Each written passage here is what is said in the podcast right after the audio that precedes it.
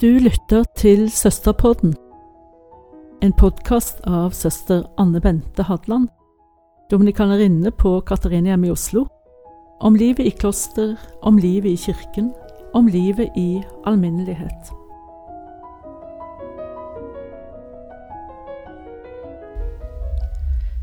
Ingenting av dette var Guds verk, men alt, absolutt alt, ropte etter Guds hjelp.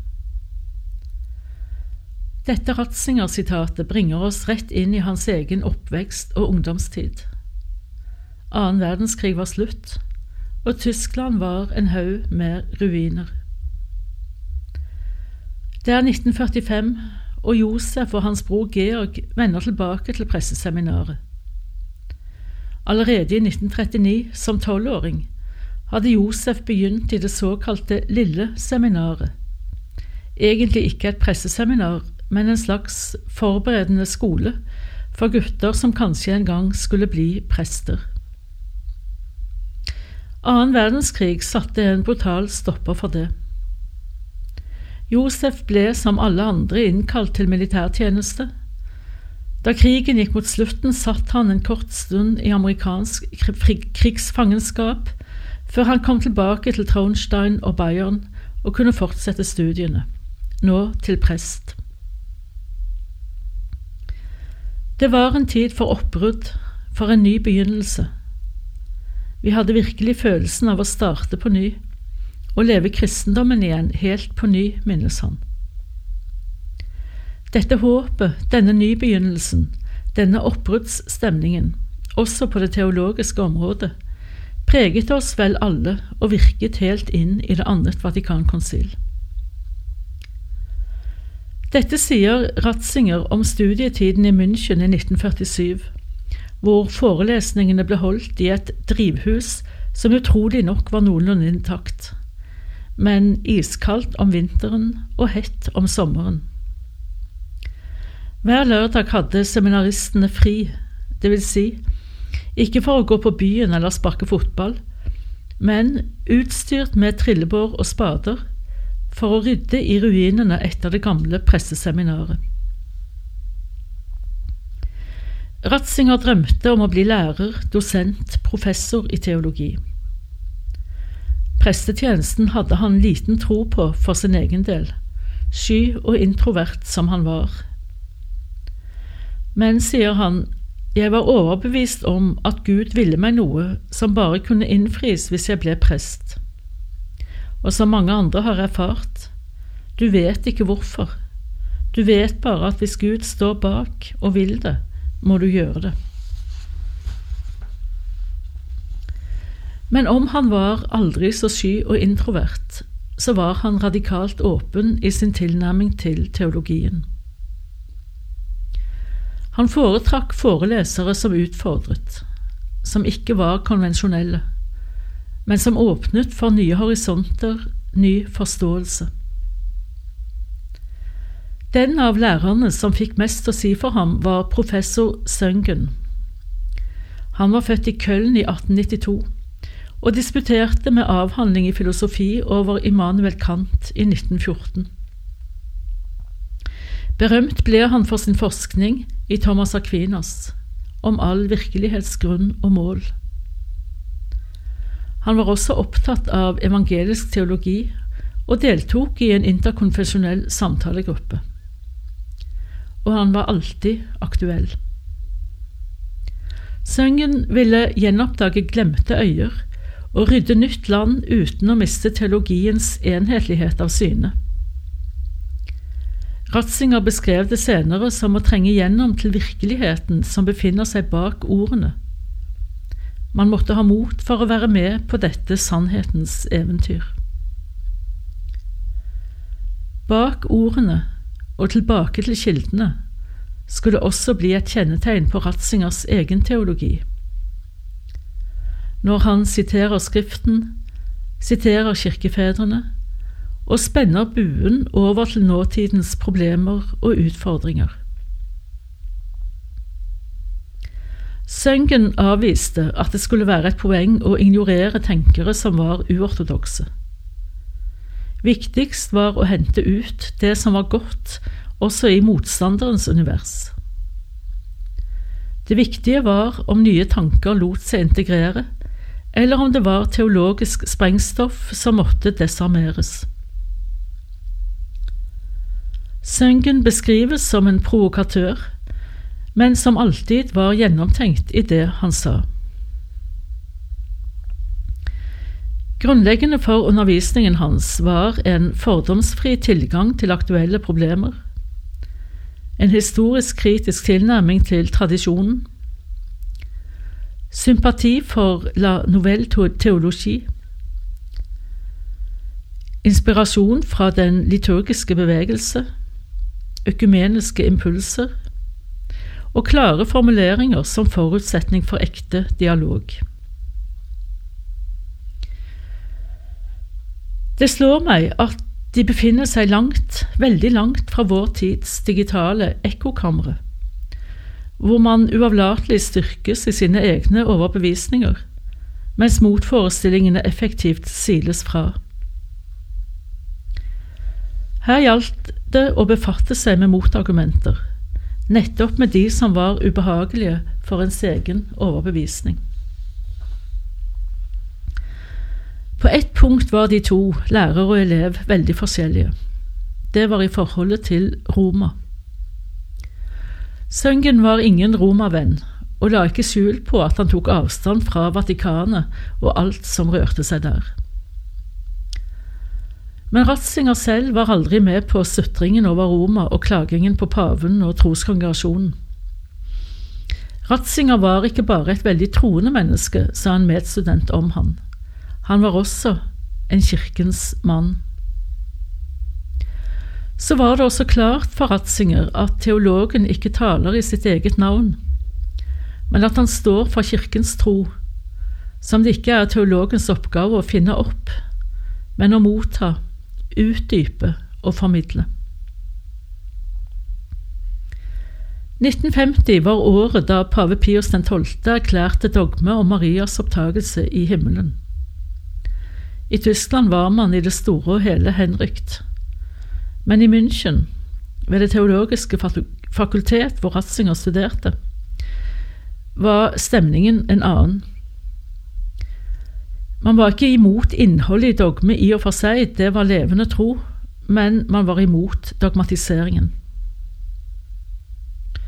Søngen var naturligvis sterkt kritisk, men, sier han, når dogme kommer, vil jeg minne meg om at Kirken er større enn meg, og jeg vil stole mer på Kirken enn på min egen lærdom. Da Ratzinger prekte i Søngens begravelse i 1970, sa han Han stilte fryktløse spørsmål med største selvfølgelighet, fordi han visste at troen ikke hadde noe å frykte fra den ærlige søken etter erkjennelse. Søngen så tidlig Ratzingers begavelse og oppfordret ham til å gå i gang med en avhandling om kirkebegrepet hos kirkefedrene. Utgangspunktet skulle være Pius 12.s encyklika fra 1943, Mystici Corporis Christi, om kirken som Kristi mystiske legeme. Og han skulle studere hvordan Augustin definerte Guds folk. Var det entydig tenkt på det jødiske folk, eller kunne det også anvendes på kirken? Og hvordan forholdt det seg til et begrep om kirken som Kristi mystiske legeme? Med dette gikk han rett inn i en aktuell teologisk debatt i Tyskland, hvor en del av teologene nettopp avviste kategorien Kristi kropp som begrep om kirken. Folk und Haus Gottes in Augustins Lehre von der Kirche var tittelen. Det var et prisarbeide innlevert rett før han skulle prestevies i 1951. Søngen ga ham oppdraget. Søngen var også den som avgjorde konkurransen, og det er liten tvil om at han allerede da han ga Ratzinger oppdraget, hadde ham i tankene også for denne prisen. Og Ratzinger fikk den. Hos Gottes ikke Guds hus, tempelet, men forsamlingen om den hellige eukaristi er folket. Dette er Guds folk, og dette Guds folk er Kirken, Kristi legeme, som i eukaristifeiringen er den levde Caritas og den virkeliggjorte Unitas, hvor Kirken er ett i Kristi legeme. Brassingers konklusjon var Kirken er, som Kristi legeme, Guds folk. Disse to begrepene sto ikke i motsetning til hverandre, sa Ratzinger, men balanserer hverandre og trenger hverandre. Dette arbeidet med Augustin og kirkebildet ble av stor betydning også ved det annet Vatikankonsil, hvor Ratzinger nettopp skulle få betydelig innflytelse. Og han brukte det også i ettertid for å argumentere imot en reduksjonistisk oppfatning av Kirken som Guds folk i mer eller mindre empiriske, sosiologiske og politiske størrelser. Begrepet Guds folk alene er ikke tilstrekkelig for å uttrykke Kirkens vesen. Under studietiden oppdaget han den franske teologen Henri de Lubac. Møtet med hans tekster var et ekte gjennombrudd, ja, en nøkkelerfaring i studiene, sier han, og siterer fra Libak. Mennesket avviser Gud fordi de tror han begrenser dem, men ser ikke at vi nettopp gjennom relasjonen til Gud får del i uendeligheten. Mennesket avviser Gud fordi han angivelig undertrykker det, men ser ikke at vi, gjennom relasjonen til Gud, nettopp frigjøres fra undertrykkelse. Libak står som eksponent for det som kalles la novelle-teologi, den nye teologien, noe som for Libak selv var en meningsløs benevnelse. Det var ingen ny teologi, hevdet han. Tvert imot, det var en teologi som ville løfte frem Kirkens store overlevering. Denne nye teologien ble allikevel ansett som en trussel i Roma. Og Libak led samme skjebne som flere fremstående teologer på 1950-tallet, deriblant dominikaneren Yves Congar. Han fikk talebud, taleforbud, ble nektet å publisere og mistet professoratet i Lyon. Denne åndsfrenden av Ratzinger ble rehabilitert før konsilet, og sammen med Ratzinger grunnla han tidsskriftet Communio. Og så førte han også Ratzinger og Karol Wojtyla sammen. Johannes den 23. brakte de Libak til Roma for å delta i forberedelsene til konsilet, sammen med dominikaneren Yves Congar for øvrig. Men tilbake til studier og prestetjeneste. Ratzinger ble presteviet i 1951 og skulle ut i tjeneste. Menighetspraktikum ga ham et riktig sjokk. Den fornyelsens ånd som preget seminartiden, håpet om fornyelse, håpet om en ny fremtid, håpet om en ny vår for menneskene og for Kirken, den møtte motstand da han kom ut i menighet. Han merket at Kirken og troen var der rent institusjonelt, men at verden i stor grad hadde trengt inn og beveget menneskene vekk fra troens sentrum. En folkekirke som var blitt selvfølgelig og innholdsløs. Dette avstedkom noen år senere, i 1958, et essay, De nye hedningene og kirken. Det vakte bestyrtelse i kirkelige kretser, og holdt på å koste ham all velvilje i kirkens lederskap. Et sterkt kritisk essay der han skriver om nyhedendommen, som han finner, ikke utenfor kirken, men i den. Kirken må gradvis fjerne seg fra å være ett med verden og bli det den egentlig skal være – et fellesskap av overbeviste troende. Han holder frem en visjon av Kirken som liten og mystisk. Bare da kan Kirken utfolde sin sakramentale virkekraft. I en alder av 27 år var Ratzinger professor i fundamentalteologi.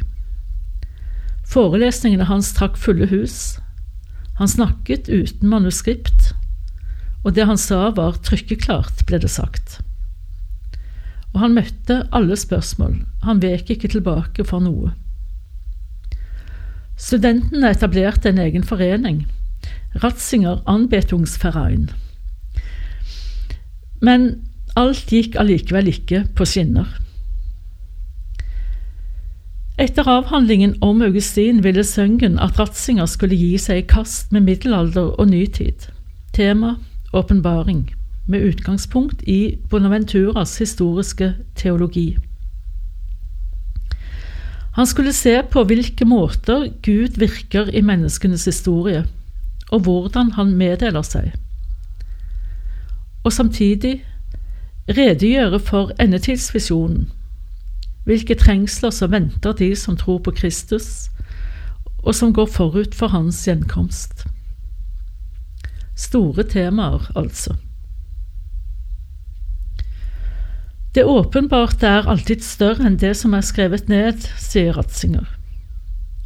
Guds åpenbaring er endelig, men hvor endelig den enn er, så er den også uuttømmelig, fordi den alltid åpner for ny og dypere erkjennelse. Habilitasjonsskriftet hans var på 700 sider. Det største han noen gang har skrevet, og det skulle bli liggende i en skuff i 50 år. Schmaus het hovedopponenten. Han var ikke bare opponent ved disputasen, han var også en rival og en erklært motstander av Ratzingers mentor og lærer Søngen.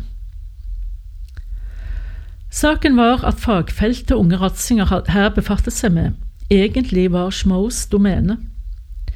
Og ved fakultetet spurte man seg hvorfor Søngen ville ha det hos seg, og dermed sette sin egen elev i en vanskelig situasjon samtidig som Ratzinger i sin avhandling stilte skarpe spørsmål nettopp ved Schmaus egne konklusjoner. Ved disputasen var det de to teologene som braket sammen. Doktoranden selv kom ikke til orde. Avhandlingen var krydret med kritiske bemerkninger i alle farger, og Schmoes uttrykte at han ikke hadde noe til overs for denne unge modernistens konklusjoner og Ratzinger fikk den tilbake for forbedringer. Men det ville ta år å ta alle Schmoes bemerkninger til følge. Bare de 200 siste sidene var uten noen som helst anmerkninger. Så Ratzinger laget et nytt arbeid med utgangspunkt i de 200 siste sidene. Og dette arbeidet ble godkjent i 1957. Resten av avhandlingen ble først tørket støv av 50 år senere. Men i hvert fall, begge disse avhandlingene hans, den om Augustin og kirkebegrepet, og Bonaventura og åpenbaringen, skulle få stor betydning under det annet Vatikankonsil. Mer om det en annen gang.